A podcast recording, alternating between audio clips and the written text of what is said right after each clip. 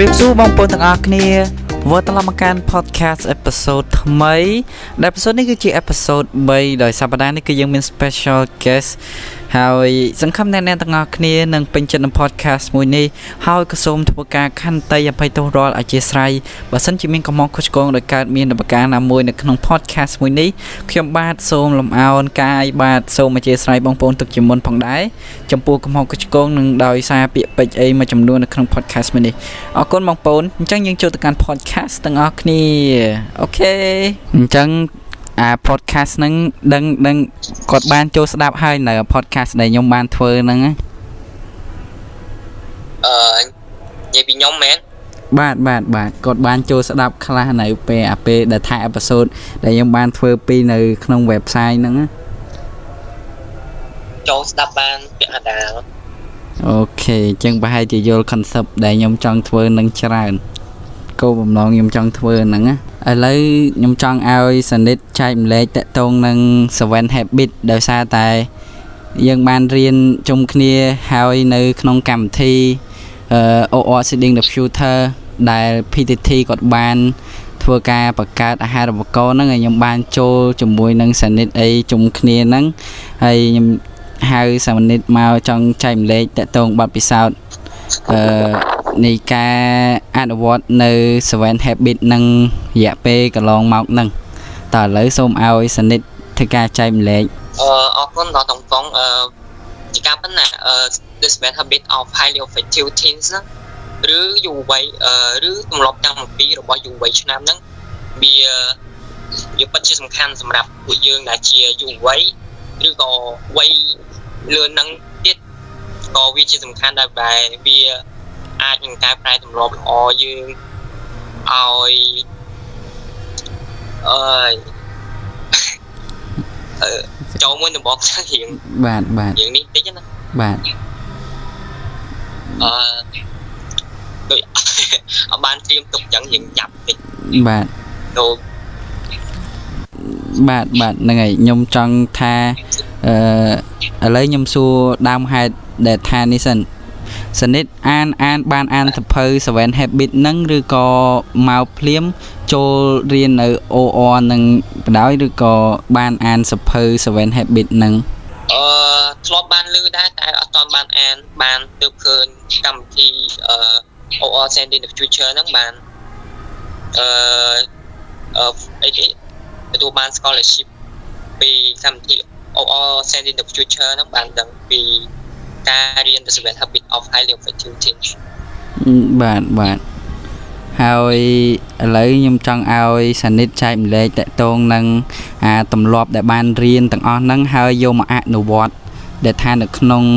ទម្លាប់ទាំង7ហ្នឹងមកអនុវត្តជាប្រចាំថ្ងៃហ្នឹងហើយខ្ញុំចង់ឲ្យចែកម្លែកថា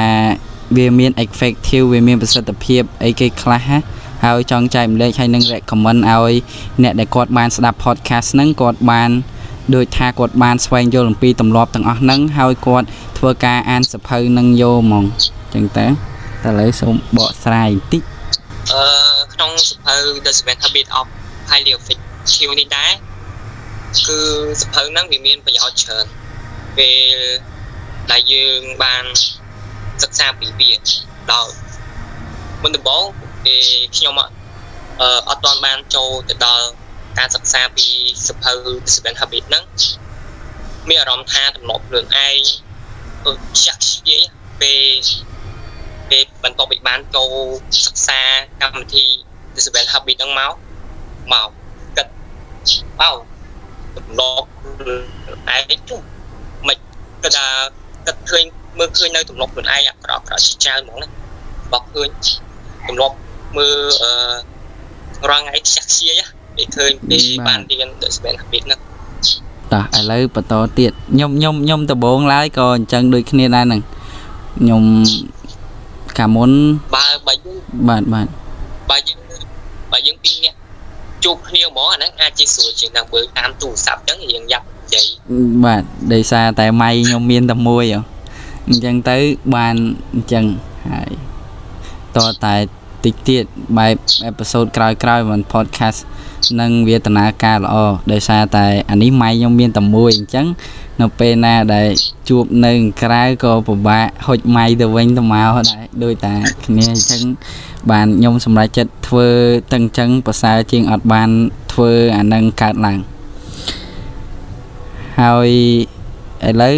គាត់អាចចែកម្លែកតកតងទៅនឹងទម្លាប់ទី2អីគេទម្លាប់គិតមុនធ្វើហ្នឹងគេធ្វើអីគេខ្លះទៅ ហើយអាចលើកជាឧទាហរណ៍ពិតស្ដែងឲ្យបានមួយឲ្យគ្នាយើងគាត់បានកំពុងតែស្ដាប់ podcast នឹងឲ្យគាត់បាន ស្វែងយល់អំពីការកំណត់គោលដៅហើយសនិតអាចជួយចែកម្លែកបន្តិចតកតងកន្លែងហ្នឹងបន្តិចណា begin with the animal បាទអាហ្នឹងទម្លាប់ទី2បាទបាទអូចំពោះទម្លាប់ទី2ដែលជាទម្លាប់ begin with the animal អឺ begin with the animal គិតមុនសំគូក្នុងទម្លាប់ហ្នឹងមានន័យមានន័យថាមុននឹងយើងធ្វើរឿងអ្វីមួយយើងផ្ដោតទៅលើលទ្ធផលជាមុននិងគម្រោងការឬក៏ផែនការដើម្បីសម្រេចបាននៅគោលការណ៍របស់យើងឬផែនការអឺហើយអាក្នុងទម្លាប់នឹងដែរវាចង់បង្ហាញឲ្យយើងពីការកំណត់គោលដៅរៀបចំផែនការ ចំពោះខ្លួនឯងនិងចំពោះអ្នកដទៃទៀតឥឡូវចុះឥឡូវសនិតរៀនទីម៉ានដែរអឺទី12ឆ្នាំហ្នឹងអូទី12ឆ្នាំហ្នឹងចង់ចង់ធ្វើគេដែរខ្ញុំរៀន IT នេះរៀននៅសាលាណាដែរខ្ញុំអត់ទាន់ចូលសកលឡើងខ្ញុំនៅរៀននៅស្ថាប័នមួយនៅខ្ញុំអត់ទាន់បានចូលសកលដែរតែនៅនឹងដូចសកលដែរតែគេអត់ទាន់បាន ដូចក្រសួងអត់ទាន់ទទួលស្គាល់ដែរព្រោះហ្នឹងសញ្ញាបត្រពេលខ្ញុំរៀនហើយក៏បញ្ជាក់ពីជំនាញដែលខ្ញុំមាននឹងដែរតែរៀនតែ2ឆ្នាំកន្លះឯងដូចតែនៅសកលដែរទៅជំនាញដូចគ្នាជំនាញខាង IT នឹងដូចគ្នាចុះវិញកាត់ទៀតទេពេលរៀនចប់2ឆ្នាំ2ឆ្នាំកន្លះហ្នឹងហើយចង់ទៅរៀនទៅសកលបន្តទៀតឬក៏ធ្វើការមកខ្ញុំប្រហែលជាធ្វើការផងរៀនផងទៀត ធ្វើធ្វើការបាទខ្ញុំប្រហែលជាធ្វើការរៀនទៀតតែធ្វើការផ្នែកជំនាញដែលខ្ញុំរៀនហ្នឹងហ្មងចឹងស្រួលវាស្រួលធ្វើហើយវាអាចពេលយើងចប់ទៅ ពេលណាដែលខ្ញុំចង់រៀននៅក្រៅទៀតក៏វាស្រួលដោយសារតែខ្ញុំបានរៀនអានោះហើយហើយ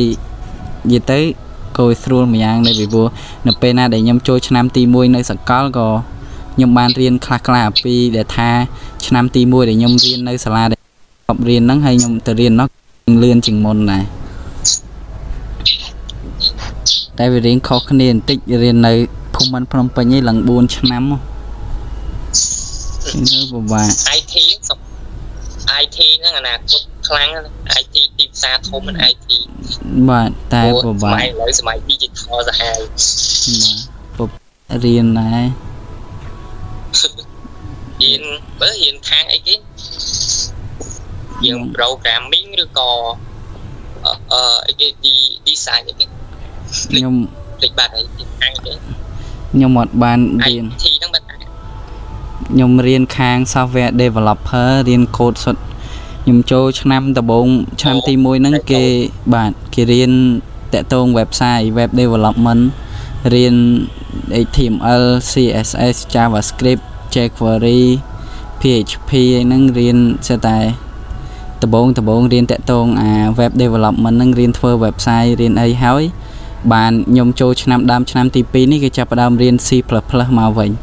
ព្រោះកាលមុនខ្ញុំរៀន ASP.NET រៀន សរសេរ website អីហើយអស់ហើយហើយ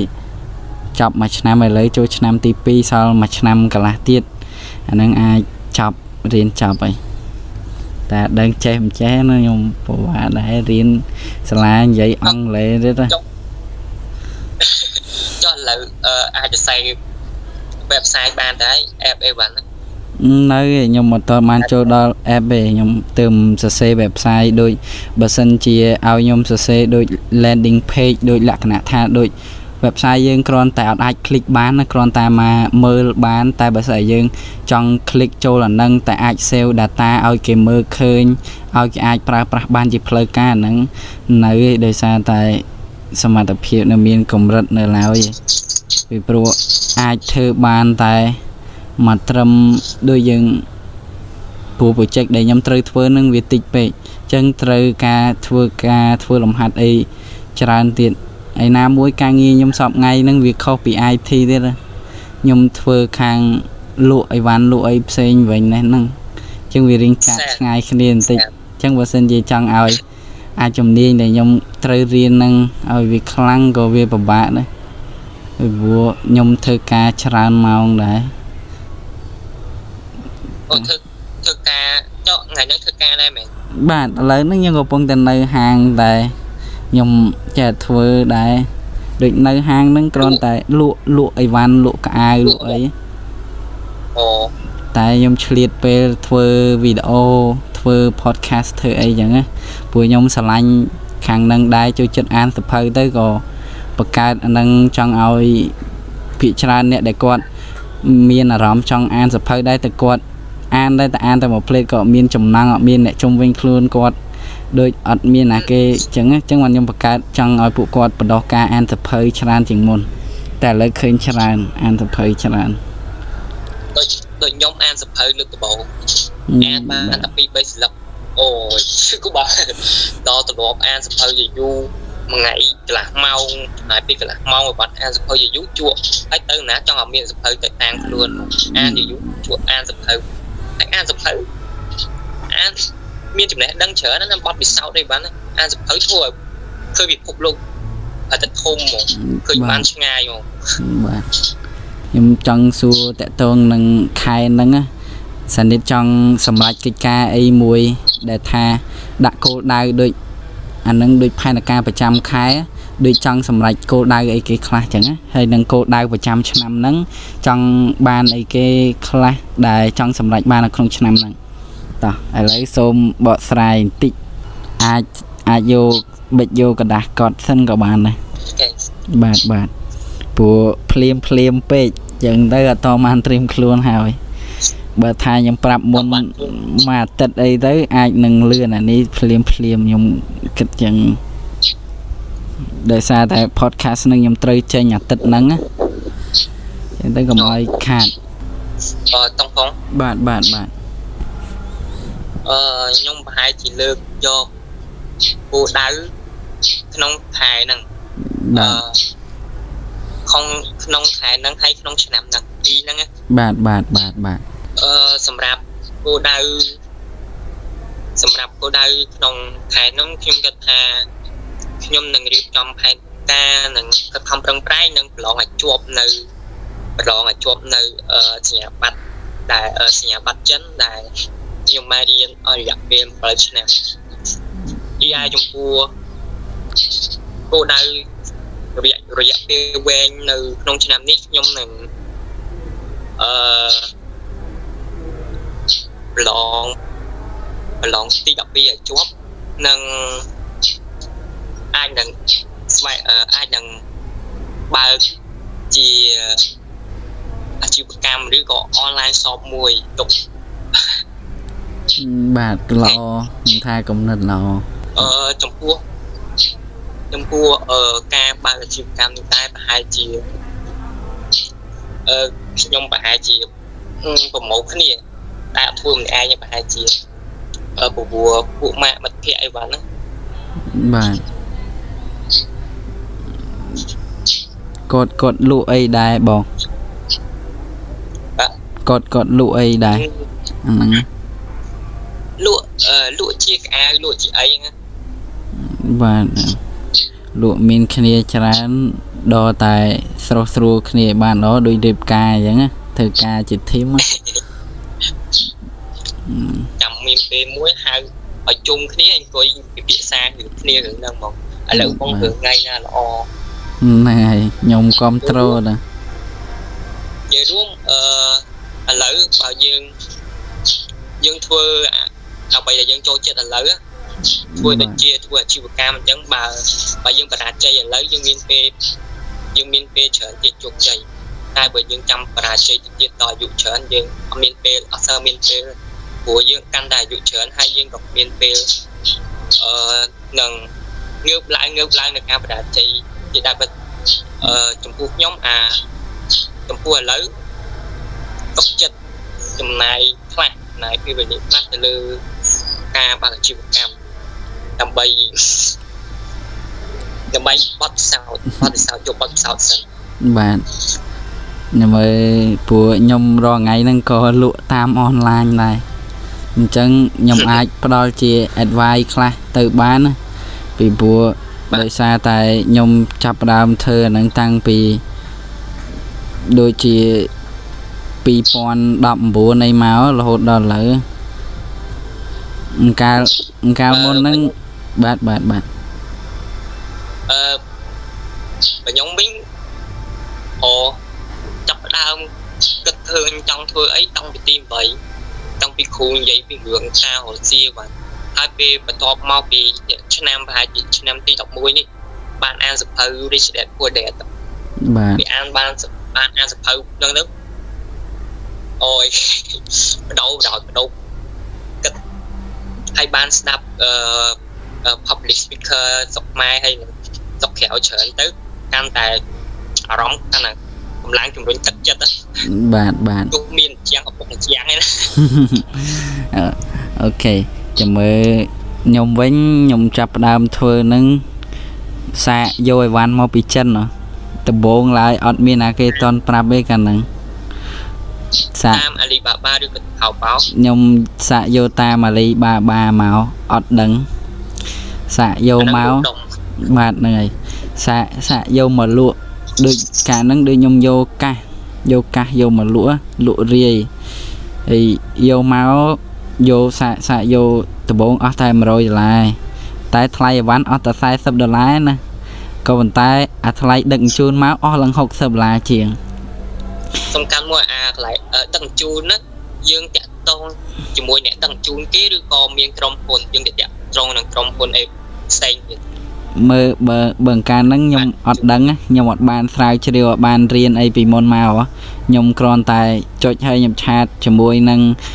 supply គេខាងនោះ supply អ្នកលក់អីវ៉ាន់នៅនៅចិនហ្នឹងនៅ Alibaba ហ្នឹងខ្ញុំឲ្យគេស៊ីបមកគេស៊ីប direct តាមអាកន្លែងគេដាក់មកកន្លែង option គេឲ្យរើសមានតាមម៉ានម៉ានម៉ានម៉ានហ្នឹង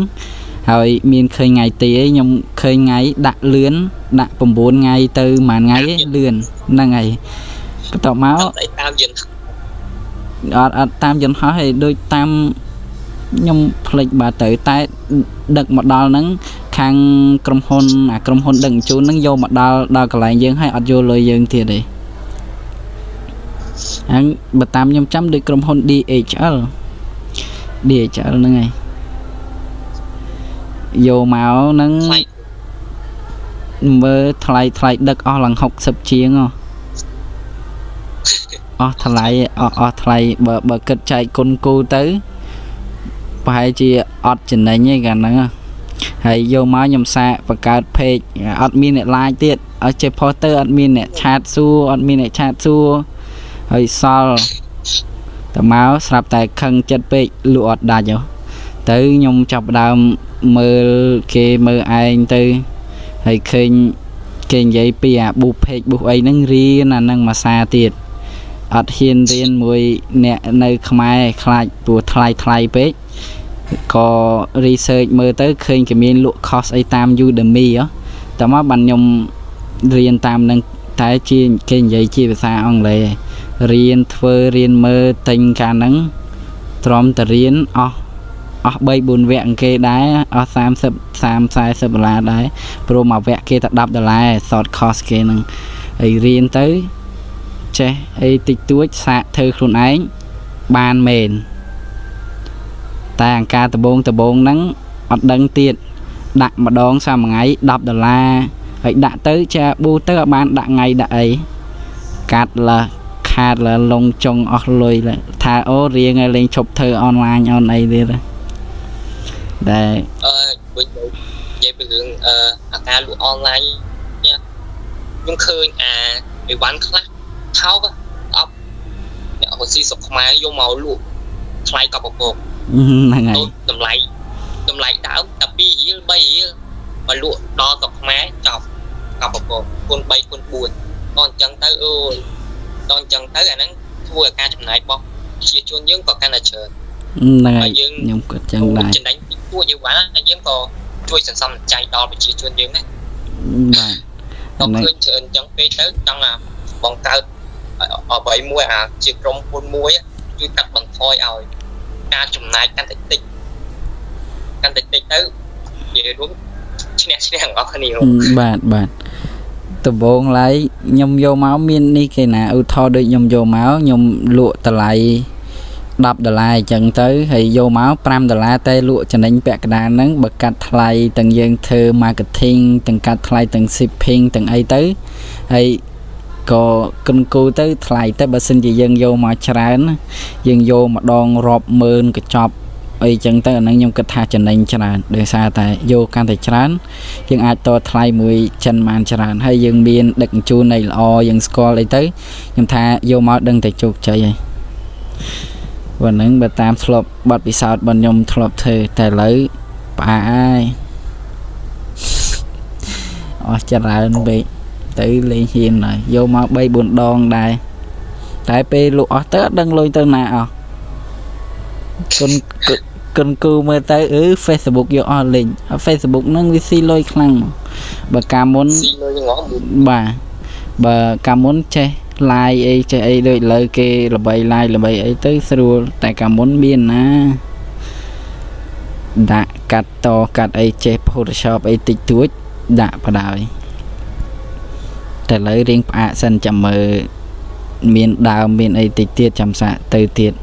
ព្រោះហ្នឹងបតក់បតក់តិចតិចគីឡូបានបាត់ពិសោធន៍ច្រើនហ្នឹងអូខេហើយមិញ សនិតបានបកស្រាយតកតងនឹងគោលដៅរយៈពេលវែងហើយនឹងគោលរយៈពេលខ្លីគោលដៅចាំខែប្រចាំឆ្នាំហើយហើយហើយអញ្ចឹងខ្ញុំចង់សួរតកតងទៅនឹងទម្លាប់ទី3ដាក់រឿងសំខាន់នៅមុខហើយតើការបែងចែកពេលវេលាពេញមួយថ្ងៃរបស់សនិតធ្វើអីគេខ្លះអញ្ចឹងណាអញ្ចឹងជុំសូមសនិតអាចធ្វើការបកស្រាយបន្តិច ចែកម្លែកតកតងឧទាហរណ៍ពេញមួយថ្ងៃហ្នឹងតាំងពីពេលព្រឹកពេលថ្ងៃហើយនឹងពេលអឺពេលយប់មុនពេលចូលគេងហ្នឹងអឺធ្វើកិច្ចការអីខ្លះរៀបចំតិចតិចៗគ្រាន់តែសង្ខេបសង្ខេបបានហើយអឺអឺអឺចំចំពោះខ្ញុំអឺនៅទម្លាប់ទី3 food fasting first ហ្នឹងខ្ញុំចំណាយពេលអឺចំណាយពេលប្រហែលជា កន្លះម៉ោងនៅពេលព្រឹកដើម្បីធ្វើរឿងសំខាន់មួយគឺអានសភៅអានសភៅល្អបន្ទាប់ពីអានសភៅនៅពេលដែល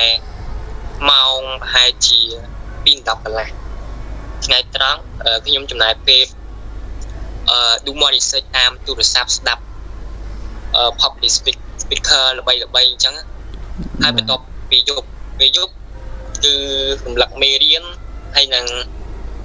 អានសភៅអានសភៅពេលយកតែប្រកម្មនីតិពេលខ្លះអាអាកន្លែងខ្លះចំណុចខ្លះយើងយកប្រឡែប៉ុន្តែចាប់បញ្ចេញឲ្យគេយល់ដល់អញ្ចឹងទៅយើងញាក់បញ្យល់តិចបាទអូព្យាយាមបញ្យល់កាត់យើងយល់ប៉ុន្តែដល់បញ្យល់ចេញទៅអ្នកដទៃយើងញាក់តិចព្រោះយើងអត់សើដែរវាយល់អញ្ចឹងទៅវាជាកម្មណាស់មួយបាទតោះឥឡូវខ្ញុំសូមឲ្យ សនិតសង្ខេបចុងក្រោយតកតងទម្លាប់ទី4ទី5ទី6ទី7គ្រាន់តែសង្ខេបខ្លីៗដែលធ្លាប់បានរៀននិងធ្លាប់បានអនុវត្តពីមុនមកហើយយើងបញ្ចប់អេពីសូតត្រឹមហ្នឹងតោះឥឡូវសូមឲ្យសនិតធ្វើការសង្ខេបតកតងនឹងទម្លាប់ទាំង4សរុបចុងក្រោយហ្នឹងអូខេតោះចាប់ផ្ដើមអឺ យ៉ាអឺទម្លាប់ទី4 sing win win គិតបែបឈ្នះឈ្នះអឺវាចំពោះទម្លាប់នេះដែរគឺគឺគេចង់ឲ្យយើងហ្នឹងមានការធ្វើរឿងអ្វីមួយធ្វើអឺធ្វើរឿងអ្វីមួយគិតបែបវិជ្ជមាននិងទទួលបានឈ្នះឈ្នះទាំងសងខាងហើយចូលទម្លាប់ទី5ហ្នឹងបាទបាទតោះអឺចំអឺចំពោះទម្លាប់ទីទម្លាប់ទី5 5 see first to understand then to be understood មានន័យថាស្ដាប់គេឲ្យយល់សិនឲ្យគេយល់ពីយើងចំពោះក្នុងទម្លាប់ក្នុងទម្លាប់នេះដែរគេចង់បានន័យថា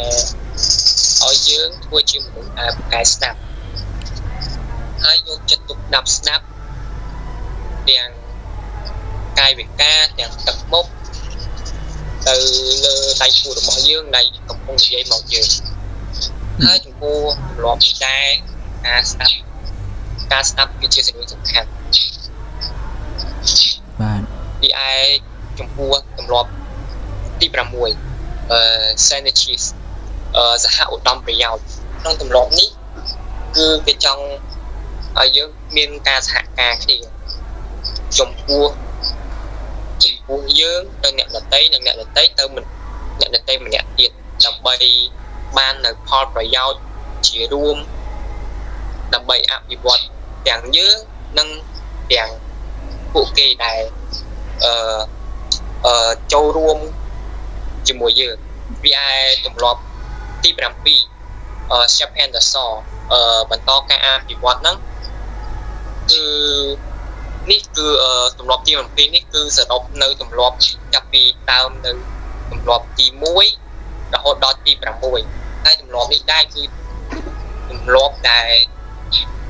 ដែលធ្វើការអភិវឌ្ឍខ្លួនពីព្រោះការអភិវឌ្ឍគឺគឺការអភិវឌ្ឍខ្លួនហ្នឹងគឺគ្មានថ្ងៃបញ្ឈប់គ្មានថ្ងៃឈប់ឈរទេការអភិវឌ្ឍខ្លួនគឺដើម្បីស្វែងរកនៅចំណេះដឹងដែលយើងមិនទាន់បានរៀនឬយកឬក៏យើងខ្សោយនៅ ចំណេះជំនាញណាដើម្បីបន្តការអភិវឌ្ឍដើម្បីឲ្យខ្លួនយើងកាន់តែរីកចម្រើនសូមអរគុណបាទបាទអូខេអរគុណច្រើនសានិតហើយបកស្រាយមកបានក្បោះក្បាយតែនេះដោយសារតែបានត្រៀមទុកមុនបានប៉ុណ្ណឹងបើសិនជាត្រៀមទុកមុនទៀតខ្ញុំគិតថាល្អល្អខ្លាំងដោយសារតែខ្ញុំគិតថាសនិតបានយល់ដឹងច្រើនពីទម្លាប់ទាំង7ហ្នឹងអូខេអញ្ចឹង ទីចុងក្រោយសនិតមានអីជាការសារដ៏ល្អមួយចង់ចែកម្លែកទៅ អ្នកដែលបានស្ដាប់នៅ podcast នេះក៏ដូចជាបងប្អូនដែលគាត់អឺអត់តន់បានយល់អំពីទម្លាប់ហ្នឹងហើយសនិតចង់មានសារចែកម្លែកអីឲ្យគាត់បានស្វែងយល់អំពីទម្លាប់ 7ហ្នឹងអាចថាមានអីជាសារៈប្រយោជន៍សម្រាប់គាត់ដែលគាត់បានសិក្សាតកតងទៅនឹងទម្លាប់7យ៉ាងហ្នឹងគាត់ទទួលបានអ្វីខ្លះហើយគាត់នឹងខ្លាយជាអ្វីទៅថ្ងៃបន្ទាប់ទៀតបើស្អីគាត់បានរៀនសូត្រដែរអូខេតោះហើយសូមចែកម្លែកខ្លីៗបន្តិចបន្តិចជាចុងក្រោយអឺខ្ញុំសូម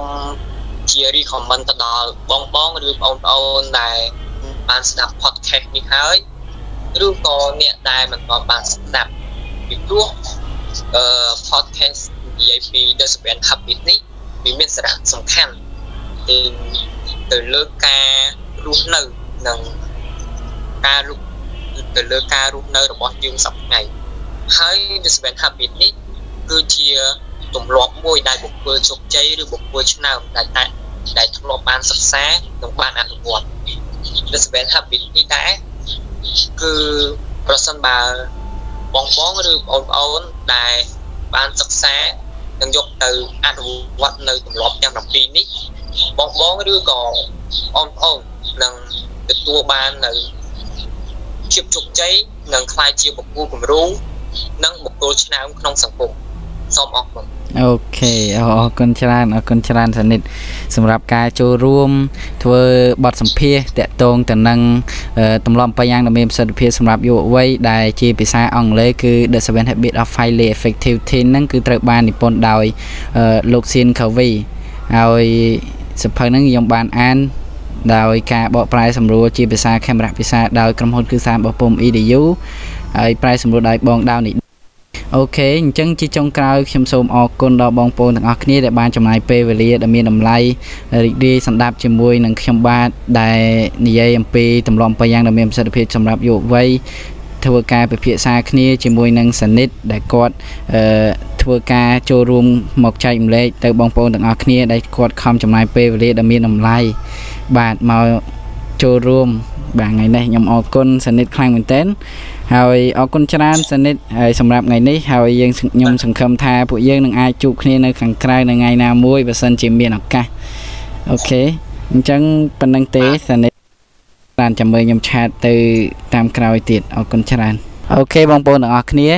អញ្ចឹងខ្ញុំក៏សូមអរគុណបងប្អូនទាំងអស់គ្នាម្ដងទៀតដែលបានខំចំណាយពេលវេលាដ៏មានតម្លៃរីករាយស្ដាប់ជាមួយនឹង podcast មួយនេះម្ដងទៀតពីខ្ញុំបាទតុងហ្វុងជួបគ្នានៅអេពីសូតក្រោយជាមួយនឹង special guest យើងក្រោយៗទៀតអរគុណច្រើនហើយសង្ឃឹមថាបងប្អូនទាំងអស់គ្នានឹងទទួលបានសម្រេចនៅកិច្ចការជាច្រើនទៀតដែលបងប្អូនចង់សម្រេចនៅក្នុងខែ